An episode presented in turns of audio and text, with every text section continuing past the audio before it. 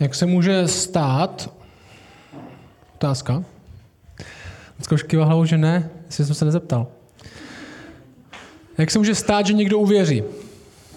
Je dobrá otázka. Jak se může stát, že někdo uvěří, zvlášť v České republice, kde je víc pivovarů než křesťanů? Jak se může stát, že někdo uvěří? Jak se, něk, jak se může stát, že se někdo obrátí k Bohu? Většina z nás nejsme z věřících rodin a nejsme v tom typický kostel, nejsme v tom typická církev. Není nic špatného na tom být z věřících rodin. Já doufám, že moje děti budou věřící z věřících rodin. To můj sen pro ně. Každopádně většina z nás nevyrostla v křesťanské rodině. Jak takový proces může vypadat? Otázka taky, jak vypadal u vás. Mě bylo 19, když jsem četl Bibli a, a uvěřil jsem a poprvé jsem poznal křesťany, když mi bylo 18, když mě dostali na English Camp, o kterým jsem nevěděl, že je křesťanský a mě dostali do pasti a tam jsem se dozvěděl, že to je křesťanství, jak jsem byl velmi vážný kritik a na ten English Camp, taky jsme, vám řeknu, jaký jsem byl. Já jsem, o mě by si nikdo nemyslel, že se stanu věřícím. A na ten English Camp jsme propašovali asi pět flašek rumu, aby jsme tam mohli aby tam bylo co dělat. A to byl můj kontext. A strávil jsem celý rok tím, že jsem argumentoval s křesťanama, proč si myslím, že to křesťanství je blbost a, a proč si myslím, že Bible nedává smysl a jaký jsou moje velmi racionální argumenty pro to, abych nebyl věřící. Dokonce jsem byl v Americe na velké konferenci, kdy bylo tisíce křesťanů. Já jsem tam byl jako nevěřící a sledoval jsem to všechno. A, a do dnešní doby mám deníčky z té konference, takové, co nám tam dali a tam moje poznámky jsou pod čarou. Tam někdo mluvil a moje poznámky pod čarou je, to je blbost, nebo, nebo nějaká taková věc. A vždycky jsem si napsal, abych pak mohl s těma křesťanama debatovat.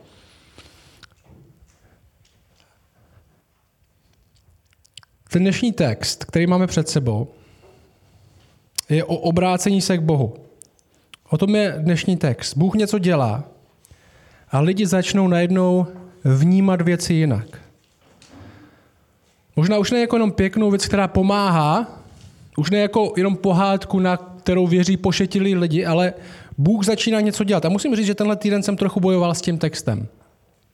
My, když máme křest, většinou dost tradičně odskakujeme z té naší série. My jsme v knize první Samuelova, to je naše série, v té jsme teďka, myslím, že 8. 9. kázání v řadě. A většinou, když je nějaký křest, tak uh, jdeme trochu jinam, do nějaké jiné knihy, máme nějaký jiný kázání a já jsem dokonce celý jeden den trávil studováním jiného textu a psaní jiného kázání, aby jsme si dali odbočku od prvního Samuela. A ten text, který je před náma, takový jednoduchý, zvláštní text, mi ležel v hlavě, klepal mi tak trochu zevnitř hlavy a říkal, nepřeskakuj mě tenhle týden. A tak v něm budem. Jo? Tak v něm budem. A první Samuelova, sedmá kapitola, jestli máte Bible. A co jsme viděli v té první Samuelově? Že v tomhle okamžiku bych někomu z vás mohl dát mikrofon, aby to zrekapituloval sám, kdybyste neměli trauma ze základky, kde vás museli vyvolat, tak, by vám, tak bych to udělal, ale jedna věc, které se nevěřící bojí, když přijdou do kostela, kterou jsem slyšel už víckrát než jednou, a víckrát než dvakrát je, co když mě tam někdo vyvolá a já nebudu vědět. Takže tady vás nikdo vyvolávat nebude. Kdybych někoho vyvolával, tak vyvolám Tomáše, takže se nemusíte bát. Um, co se stalo v první Samuelově tohle? Izrael je v zemi, ve které má být, že kterou Bůh slíbil, je tam, nemají krále, nejsou s Bohem, jsou nevěrní, všichni vedoucí, ty hlavní kněží, kteří by jim měli modelovat to, jak by mě, jak má Bůh vypadat, jak mají lidi, kteří k němu přistupují vypadat, uh, jsou skorumpovaní, uh, spí tam se sekretářkama, uh, kradou tam peníze, kradou tam jídlo, nikdo o Bohu neví, nikdo lidi k Bohu nevede a to je ten jejich stav, ve kterým jsou a na to všechno mají velmi agresivního souseda. Pelištejci na ně útočí a oni jdou s nima do bitvy a celý to prohrajou. Jo, 34 tisíc mrtvých Izraelců, jejich truhlu, jejich archu, která je jejich nejcennější majetek, která symbolizuje, že Bůh je s nima, tak tu jim ukradnou. A o tom byly těch prvních pár kapitol, že všechno, co ten lid dělá a všechna ta jejich zkušenost, špatná. Prohry, prohry, špatný vedoucí, lidi nejsou u Boha. A my jsme viděli, že oni zažijou to zdrcující porážku, hodně lidí zabito, ukradli jim to truhlu, nejhorší možná porážka, nejhorší možná potupa. Ale ta archa putovala tím nepřátelským územím a porážela lidi sama. Že? To jsme měli v té jedné kapitole, kde Bůh bez pomocí lidí všechno porazil sám. Že ty pelištejci nevěděli, jak mají jednat s takovýmhle Bohem. A pak jsme viděli v zápětí, že ani Izrael, ani sám boží lid úplně neví, jak k takovému Bohu můžou přistupovat. A pár lidí zemřelo i z Izraele, protože nevěděli, že tenhle Bůh je, je jiný než všechny ostatní bohové okolo. A dneska máme před sebou následující. Izrael je v koncích, boží lid je v koncích. A ta otázka, jak může vypadat navrácení se k Bohu. Jo, tohle aktuální téma máme křest, který je o tom, že někdo se chce poprvé veřejně přihlásit k Bohu, že se k němu obrátil. Tohle aktuální téma pro nás v České republice, kde křesťanů, zvlášť tady v Šumperku. Já jsem na nějaké konferenci před, nevím, to byl minulý týden, v Českém Těšíně, kde to je, to je křesťanský kraj. Tam je vesnice, která má 1500 obyvatel a sbor, který má 600 členů. Třeba. No to tady v Šumperku moc neznáme. Tady je absolutně hluchý místo. Ještě když pojedete přes hory do Jeseníku, tak tam, ještě, tam jsou ještě hluchý. Já jsem vyrostl v Temenici, takže to je takové místo, kde Bůh ani temenici neví, že existuje. Tím chci říct, že mám za sebou drsný, drsný pozadí. Jsem ostřílený. Každopádně, jak se může stát, že se někdo obrátí k Bohu? Jdeme na ten text. Můžeme to prodlužovat. Takže sedmá kapitola, verš jedna. Takže truhla přijde do Izraele, oni neví, co s ní dělat, zabije to pár lidí, a sedmá kapitola začíná takhle. Muži z Kirjat Jarimu přišli a vzali hospodinu truhlu. Jiný město vezmou truhlu, přenesli do Abinádobova domu na kopci a jeho syna Elazara posvětili, aby hospodinovu truhlu střežil. To je zvláštní verš. My jsme viděli, že ta truhla, poprvé, když ji pelištejci z toho svého území poslali, protože nevěděli, co s ní dělat, tak ji poslali do města, že do toho Bečemeše, kde byli ty kněží a leviti a experti a oni vůbec nevěděli, co s tou truhlou mají dělat a ve skutečnosti všechno, co s tou truhlou udělali, bylo špatně a nebylo podle zákona. Pár lidí tam umřelo kvůli tomu. A teďka ji poslali do nějakého úplně no-name města. Jo, tohle město, my nevíme, co to je za město, my nevíme, co je uh, tady ten Abí Nádabov dům, který má toho Eleazara, toho syna. My nevíme vůbec, co to je. Úplně město, ten text říká, že z místa expertů, teologů a kněží, kteří nevěděli, jak přistupovat k Bohu, teďka ta truhla, ta boží přítomnost, jde do nějakého zapadákova, kde nějaký borec, který teda bude střežit, ale kdo ví, kdo je. Poslouchej tohle. Proč ji tam poslali?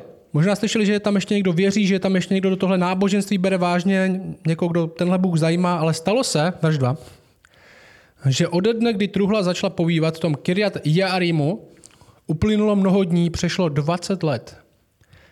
A celý dům izraelský se roztoužil pro, po hospodinu. Ten text nám právě řekl, a tohle kdyby jsme to rychle četli, tak bychom to rychle minuli, že ta truhla přešla z města expertů, teologů, kněží, kde nevydržela ani den, do nějakého zapadákova, no města, k normálním lidem a tam vydržela 20 let do té míry, že se všichni okolo roztoužili potom Boha taky znát. A řeknu vám jednu věc. Já si myslím, že to stejně tak bude v České republice pro nás v rámci křesťanství. Myslím si, že nějaká reforma, jestli nějaká přijde někdy v křesťanství, že tady tenhle národ nebo tady tohle okolí začne být trochu víc křesťanský, začne být trochu víc věřící, nemyslím si, že taková reforma přijde z univerzity. Žádnou konzervativní už v Česku stejně nemáme. Nemyslím si, že přijde od expertů, myslím, že přijde od obyčejných lidí z obyčejného města, možná jako Šumperk, kteří budou věrní a vytrvalí kteří budou věrní a vytrvalí. No, Česká republika, co se týče křesťanství, je trochu crazy. Že jo? My tady na jednu stranu nemáme žádný křesťany, a na druhou stranu ten výběr, který tady máme většinou, je buď nějaká, nějaký liberální křesťanství, který už tomu moc nevěří a snaží se dělat, že jsou cool, že všechno vlastně všechny přijímají. A pak tady máme nějaký ulitlý sekty. A to je tak náš výběr tady v Česku. A ten text nám říká, uplynulo 20 let. Uplynulo 20 let, než lidi začali skutečně přemýšlet, skutečně toužit. Nedlouhá doba. Ale Bůh si počkal. My tady máme v tom jednom verši ticho 20 let, kde ta truhla je v obyčejném městě, u obyčejných lidí a to působí reformu. A to působí reformu. A ta pointa je, všechno má svůj čas. Že my nevíme, jaký má Bůh načasování s tímhle městem, my nevíme, jaký má Bůh načasování s tímhle člověkem, možná někteří z vás čekají, kdy se stane, až tenhle člověk uvěří. Možná už jste to hodili flintu do žita a říkáte si, není žádný způsob, žádná možnost, kterou si dokážu představit, jak by tady tenhle člověk uvěřil.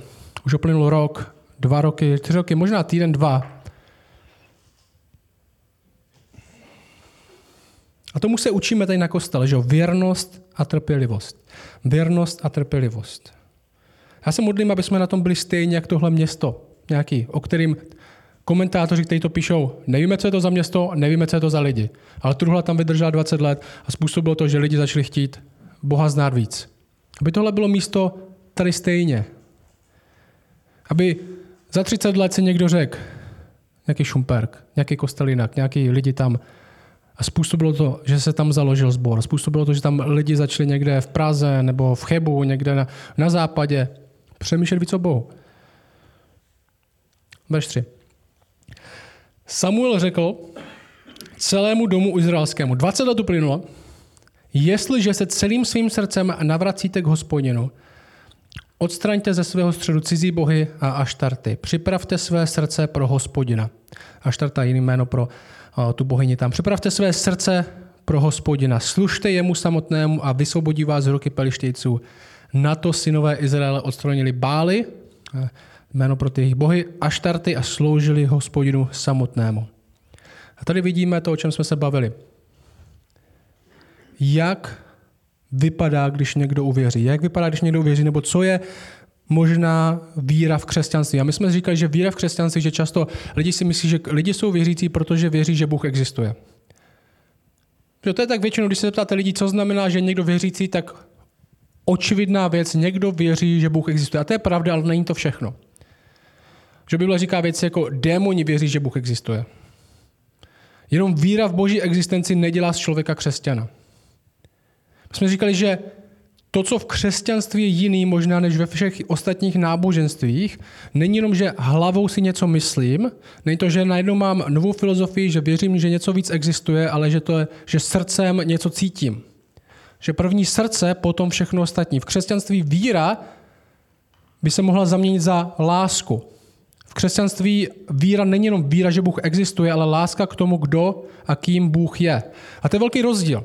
A tady to vidíme to samé, jak to začíná, že se někdo obrátí k Bohu, první srdce, potom všechno ostatní. První srdce, potom všechno ostatní následuje. Že tohle je od začátku o tom křesťanství. Je. Není to primárně o tom, co dělám, není to primárně o tom, kam dávám peníze, je to o srdci a všechno ostatní už je vedlejší produkt toho, kam svoje srdce nebo komu svoje srdce dávám. Jak vypadá navrácení k Bohu? Začíná to srdcem. Pravá víra v Biblii je láska, ne jenom víra v existenci. Izrael věřil dlouho, že Bůh existuje. Vůbec o tom nepochyboval. Ale jejich srdce bylo jinde. Jejich srdce bylo u něčeho, u někoho jiného, bylo u jiných bohů. My tady máme, zbavte se těch svých bohů, že jo, říká Samuel. Stejně jako naše srdce je možná někde jinde, u naší představy úspěchu, klidu, statutu, rodiny, o čemkoliv, o čem přemýšlíte, že život je přesně tady o tom. U toho je vaše srdce. A boží povolání v prvé řadě je změna lásky. Všechno ostatní následuje. A tady máme Samuele, je nový vedoucí Izraele. A konečně má Izrael vedoucího, který je nevede od Boha, ale k Bohu. A možná si pamatujete na tu událost, kde byli ty předchozí vedoucí, než je Bůh zabil. Tak ty vedoucí, co udělali, jak si mysleli, že vyhrajou? Jak si mysleli, že boží, boží lid vyhraje? Takže přinesli tu truhlu do prostředních a řekli, Bůh je s váma. A všichni byli nadšení, jo, Bůh je s náma, pak všichni zemřeli. A zajímavé je, že Samuel dělá zkoušenou strategii. Místo, aby přinesl Boha k lidu, tak přináší lid k Bohu. Což je velmi taková zvláštní, taková jiná věc. Jo, možná bychom mohli říct, předchozí vedoucí se snažili docílit vítězství Izraele tak, že se snažili přinést Boha k lidu. Samuel to dělá tak, že se snaží přivést lidi zpět k Bohu. Dramatická, dramaticky jiná strategie. My neslibujeme lidem, že Bůh je s nimi, říkáme lidem, jak můžou být s Bohem.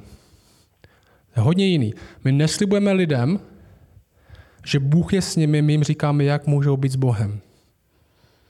Co můžeme dělat, je vykreslit, jaký Bůh je a co požaduje, a lidi se k tomu musí nějak postavit.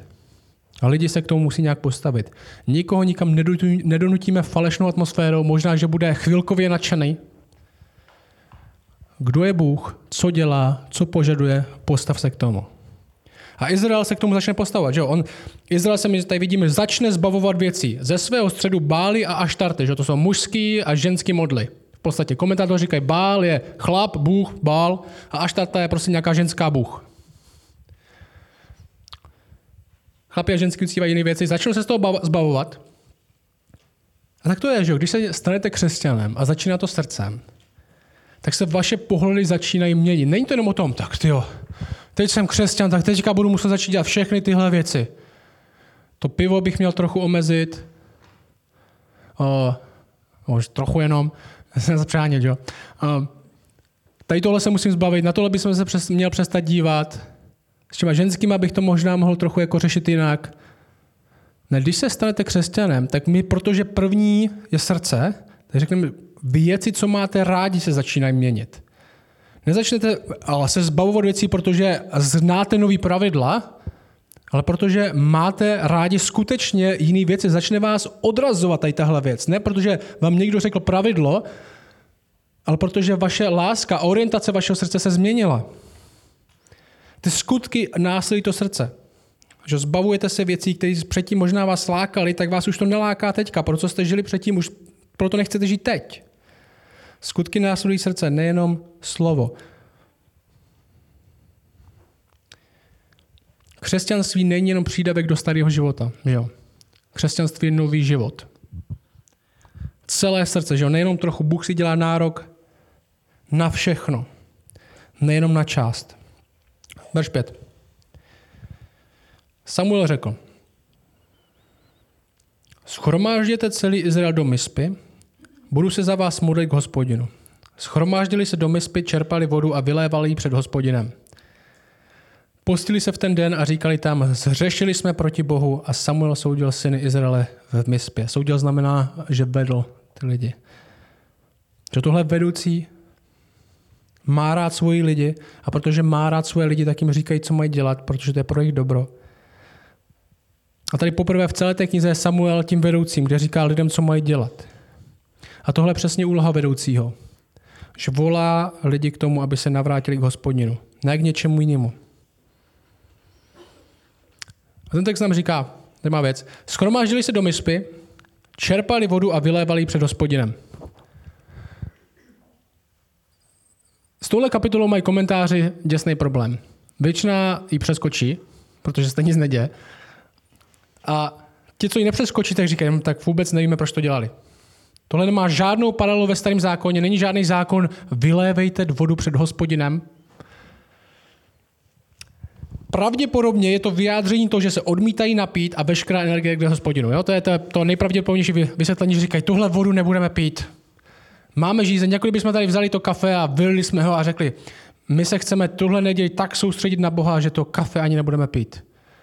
V skutečnosti by to způsobilo, že je tak závislý na kostele, že by se většina nesoustředila ale že bychom rituálně prostě vylili kafe a řekli, my se vzdáváme kafe tenhle den, protože se chceme soustředit. Tak tohle pravděpodobně se děje. Vylévají vodu a říkají, dneska nebudeme pít na znamení toho, že obětujeme tyhle věci, chceme, chceme se soustředit na Boha nějakým způsobem a vymysleli si vlastní originální nápad, že tam vylijou vodu. Takže to se stalo. Každopádně to bylo veřejný vyznání, že jo? Máme Změna srdce, obrácení. Co vede k Bohu? Změna srdce. Potom vede skutky, že začnou měnit věci, začnou vyhazovat ty bohy, začnou žít pro něco jiného a následuje veřejný vyznání. Zřešili jsme proti hospodinu. Veřejný pokání, navrácení k Bohu mají svou veřejná stránka tady téhle věci. My tady dneska máme taky vodu. To je taky symbolem, že jo? symbolem něčeho, nežil jsem pro Boha, ale teď už nechci žít pro nic jiného. A vidíme navrácení k Bohu. dvě části, dvě reformy. Jedna je vnitřní a následuje ta vnější. Že? Jedna je vnitřní a následuje ta vnější.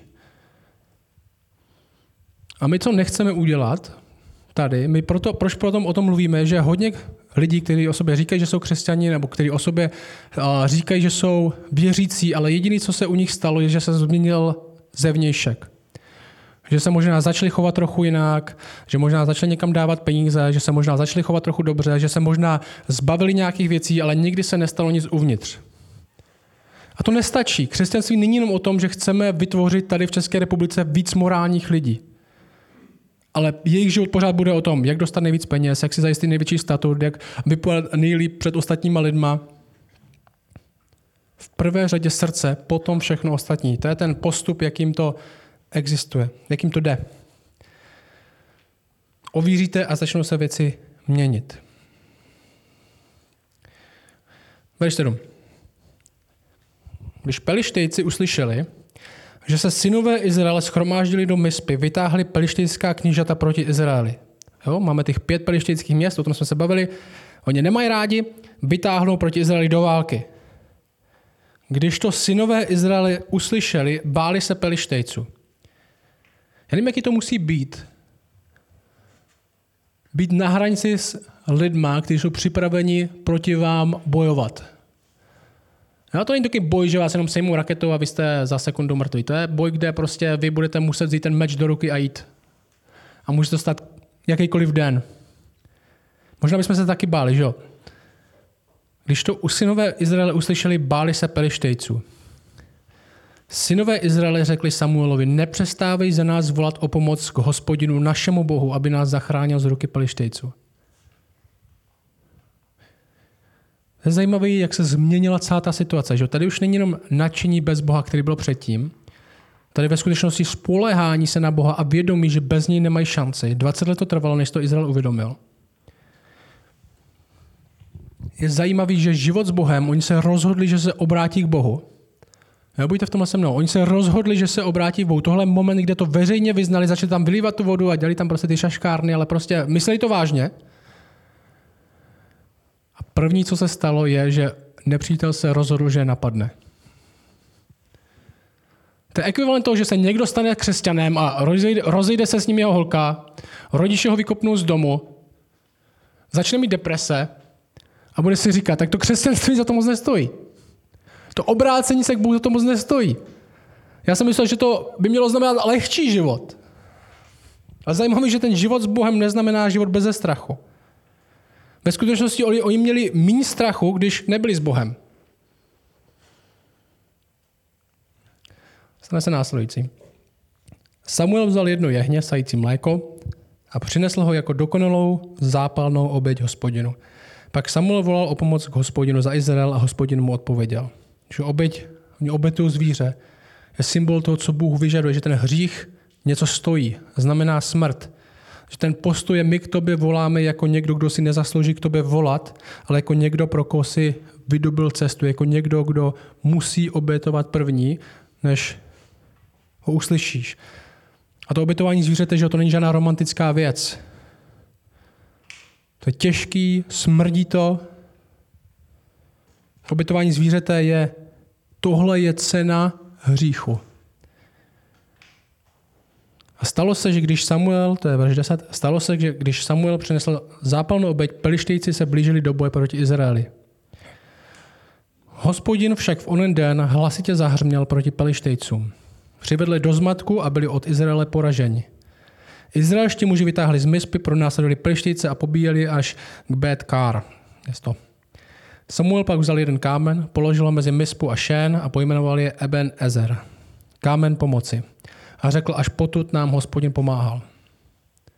To obrácení událostí, které tady máme, je v první bitvě se báli pelištejci a porazili Izrael a teďka se bojí Izrael a porazí pelištejci, že jo? Předtím měl Izrael jenom nadšení a ne Boha, teď mají Boha a nemají nadšení.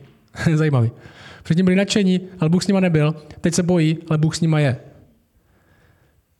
A to je rozdíl. A ten text nám říká, zahřmělo v nebi a pelištejci se dali do zmatku. Že lidi v té době, zajímavá věc, věřili, nebo možná si uvědomovali, těžko říct, že bitvy je třeba vyhrát na dvou úrovních.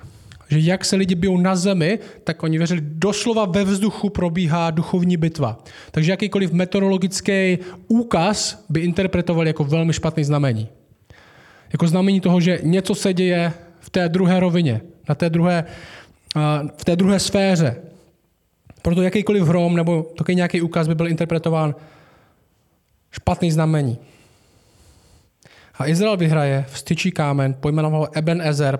Další paradox, Eben Ezer je mě, název toho města, u kterého minule prohráli. Co bylo ztraceno v tom prvním, je navráceno v tom druhém, ve 13. Pelištejci byli pokořeni a nadále už nevcházeli na izraelská území. Hospodinova ruka dopadla na Pelištejce po všechny Samuelovi dny. Města, která Pelištejci vzali od Izraele, se navrátila zpět. Izraeli od Ekronu až po Gad, jejich okolní území Izrael vysvobodil z ruky Pelištejců. Rovněž byl pokoj mezi Izraelem a Emorejci. A Samuel soudil Izrael pro všechny dny svého života. Rok co rok chodíval na okružní cestu do Bételu, Gilgálu a do Mispy a na všech těchto místech soudil Izrael. Pak se navracel do Rámy, neboť tam byl jeho dům. I tam soudil Izrael. Postavil tam také oltář hospodinu. Co se tady děje? Je, že mír a klid přišel, když se lidi navrátili k hospodinu. Zajímavá věc. A nepřišlo to vůbec nějakou jednoduchou cestou. Začalo to radikálním obrácením, který následovalo neskutečný strach a bitva a skrze to Bůh navrátil Izrael zpátky k sobě. My tady máme celou cestu, možná, v těch sedmi kapitolách, které jsme dneska, no dneska ne, které jsme poslední pár měsíců četli, Tady vidíme celou cestu, vidíme spouru Izraele. My nechceme být s Bohem, naši vedoucí jdou od Boha, vedou ostatní lidi od Boha. Vidíme následky toho, co se stalo. Byli poražení a pak vidíme pokání a vítězství. Možná podobně jako obraz našeho příběhu, když jsme my uvěřili. Zajímavá věc, co se taky stane, a ve které cel, celkově tenhle paradox tkví, je, že posun srdce Izraele, ne jejich archy, vedlo k záchraně od toho utiskovatele. Že předtím se snažili dostat Boha tam, kde byli oni, snažili se dostat tu archu tam, kde byli oni a vůbec to nefungovalo. Ale teďka ten opak je, se snaží dostat tam, kde Bůh je. Oni. A hodně lidí, a moje přesvědčení, když jsem nebyl věřící, bylo tak, bože, dokaž mi, že existuješ, bo dokažte mi argumenty, že Bůh existuje, já, chci, já potřebuji přesvědčit, přivejte toho Boha přede mě a já posoudím. A zajímavé je, že Bůh neslyší takové věci. Že Bůh není náš služebník, Bůh nepotřebuje nikomu sebe dokazovat.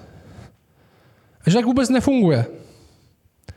Že ten opak, a co my voláme lidi, ne, ty přeď, ty přijď před Boha sám.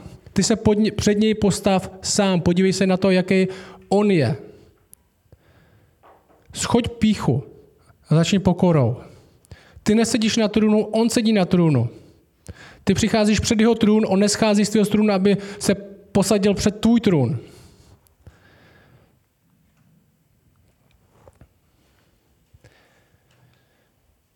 Navrácení k Bohu znamená v prvé řadě srdce, potom pokání, což je změna, skutky, vytrvalost a nakonec vítězství. Možná otázka, co si z tohohle můžeme vzít jako teďka jako lidi. Máme tady Izrael, navrátil se k Bohu, Bůh jim dal vyhrát v nějaké bitvě. Super. Jak můžeme tenhle text číst a neudělat z toho evangelium prosperity? Si nevíte, co je evangelium prosperity, tak to je teologie, o které některé církve hlásají, že jestli uvěříš, tak Bůh tě uzdraví, dá ti hodně peněz, budeš úspěšný a jestli nejsi zdravý, jestli nemáš hodně peněz, tak je to proto, že nemáš dostatečně velkou víru. A používají texty jako tyhle, říkají, když uvěříš, tak Bůh ti dá vítězství ve všech bitvách tvého života. Což vytvoří jenom skupinu depresivních lidí, protože nevyhrávají ve všech vítězstvích a bitvách svého života. Takže to znamená, že mají špatnou víru. A to, o tomhle ten text není. Tenhle text, nebo pravda tohle textu je, že Bůh dává vítězství svým lidem. Ano, v případě Izraele to znamenalo vítězství v téhle bitvě, protože přesně takové vítězství Bůh Izraeli slíbil. Otázka není, jak mě může dát vítězství Bůh ve všech bitvách, dosadit si tam, co chci, ale co je vítězství, nebo co jsou vítězství, které Bůh slíbil mně, že mi bude dávat, když budu věrný, nebo v mé věrnosti. Jaký vítězství bude, nám Bůh bude dávat teď v naší věrnosti. A Bůh slíbil několik vítězství, které bude dávat svým lidem v našich bitvách. Já vám dám příklady. Bůh slíbil, že nám bude dávat sílu uprostřed všeho, co nás potká, vítězství.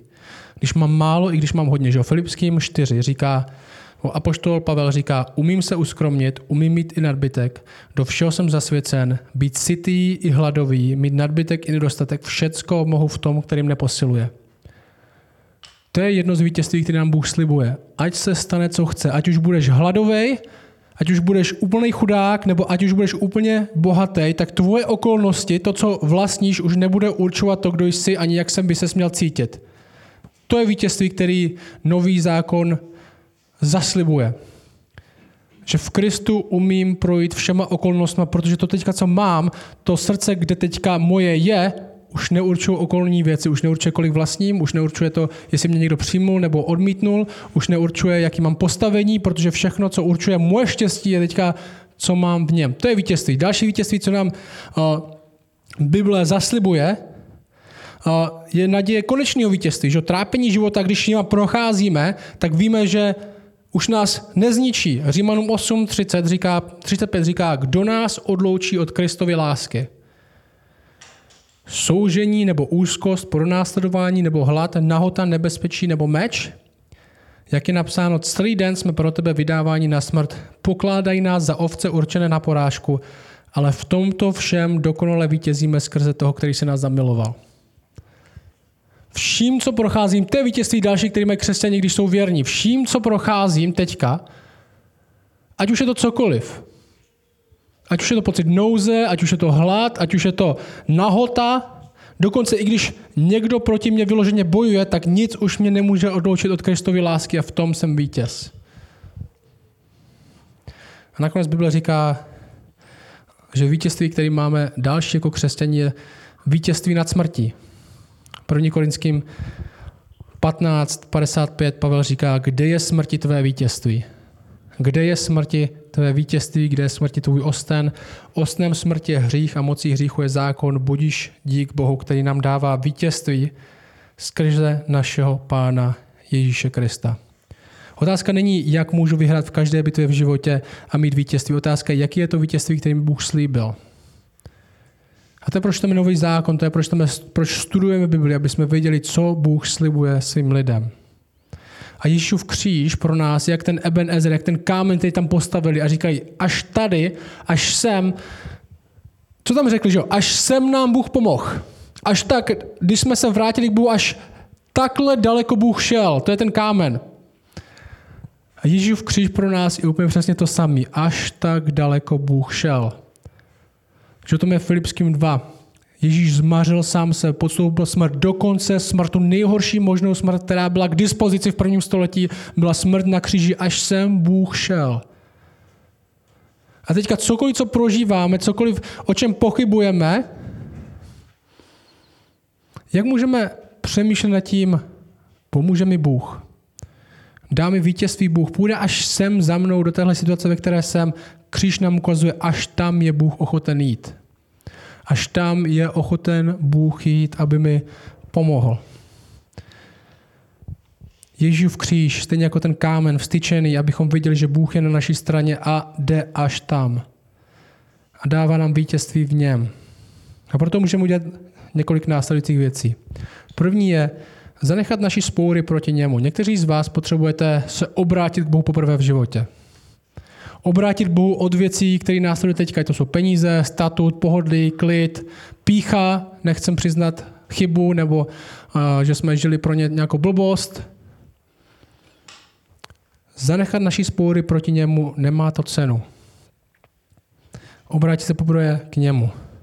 Dát srdce jemu. On ho dokáže střežet.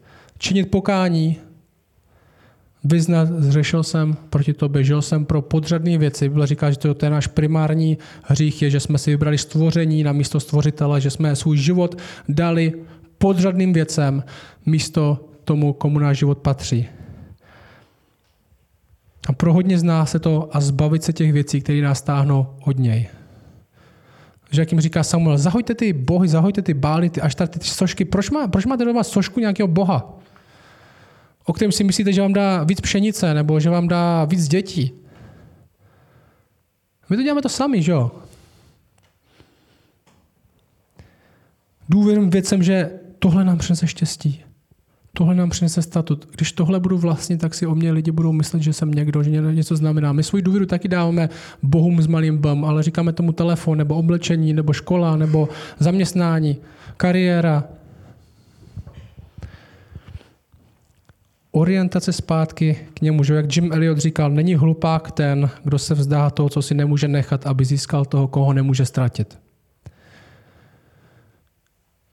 Není hlupák ten, kdo se vzdá toho, co si nemůže nechat, aby získal toho, koho nemůže ztratit. A užívat vítězství, který je v něm. Koloským 2 říká tohle. Bůh je na naší straně a dává nám vítězství v něm. I vás, mluví o lidech, kteří nebyli křesťani, teď jsou, i vás, když jste byli mrtvi v proviněních a neobříšte svého těla spolu s ním, s Kristem obživil, když nám všechna provinění odpustil a vymazal rukou psaný záznam, který svými ustanoveními svědčil proti nám a který nám byl nepřátelský. On říká, Pavel, Bůh stvořil nějak svět a je nějaký zákon, vůči kterému budeme drženi. Jak jsi žil? Moje otázka na konci bude, jak jsi žil? A většina z nás tam bude stát a jestli nejsme věřící, tak nebudeme mít co říct. Bible říká, že budeme spravedlivě odsouzeni na základě svých vlastních skutků. Na základě svých vlastních skutků. Je tady ručně, je tady rukou psaný záznam, který svými ustanoveními svědčil proti nám a byl nám nepřátelský. Ale co již udělá, je všechna provinění odpouští tenhle záznam, který svědčil proti nám, odstranili z našeho středu tím, že přibyl na kříž. A tak odzbrojil vlády a autority a veřejně vystavil na otiv, když je vedl triumfálním průvodem v něm. Všechno, co svědčilo proti nám, Ježíš na kříži vzal na sebe. Že to je ten paradox, jak Bůh může odpustit. Že to je, pár lidí se mi to proč teda Bůh, teda, proč ten kříž v křesťanství? Nemůže Bůh jen tak mávnout ruku a odpustit, proč tam musí někdo umírat a proč tam musí týct ta krev a všechno tady tohle. Kdyby Bůh jenom tak odpustil, což by mohl, tak by se nestala spravedlnost, že jo? Musela by se, my si zasloužíme reálně, Bible říká, být potrestaní za svůj hřích. Když Bůh odpustí, tak je milostivý, ale nespravedlivý, že jo? Protože se nestane spravedlivost. Když nás Bůh jenom potrestá, tak je spravedlivý udělat to, co mělo být uděláno, ale není milostivý, protože nikdo nedostane milost. Jak Bůh může být zároveň spravedlivý a zároveň odpustit? A ta odpověď je kříž Ježíše Krista. Za hřích je zaplaceno, spravedlnost prošla a zároveň je člověku odpuštěno. Milost a zároveň spravedlnost. Dej srdce tomu, kdo za tebe byl schopný dát sám sebe. U něho bude tvoje srdce v lepších rukách, než v té představě, kolik budeš mít peněz, jak budeš úspěšný, jaký budeš mít klid, až budeš starý. On tě povede ke skutečnému vítězství, skutečnému klidu. A tohle tady máme. Lid se obrací, lid se odvrací od těch bohů, co uctívali předtím, zpátky za hospodinem a Bůh dává vítězství. Všechno, co slíbil, najednou dopadá na ně i možná v momentě jejich největšího strachu a trápení. A zažívají jeho blízkost se budu modlit ještě a pak budeme mít jednu písničku a pak křest a jednu písničku.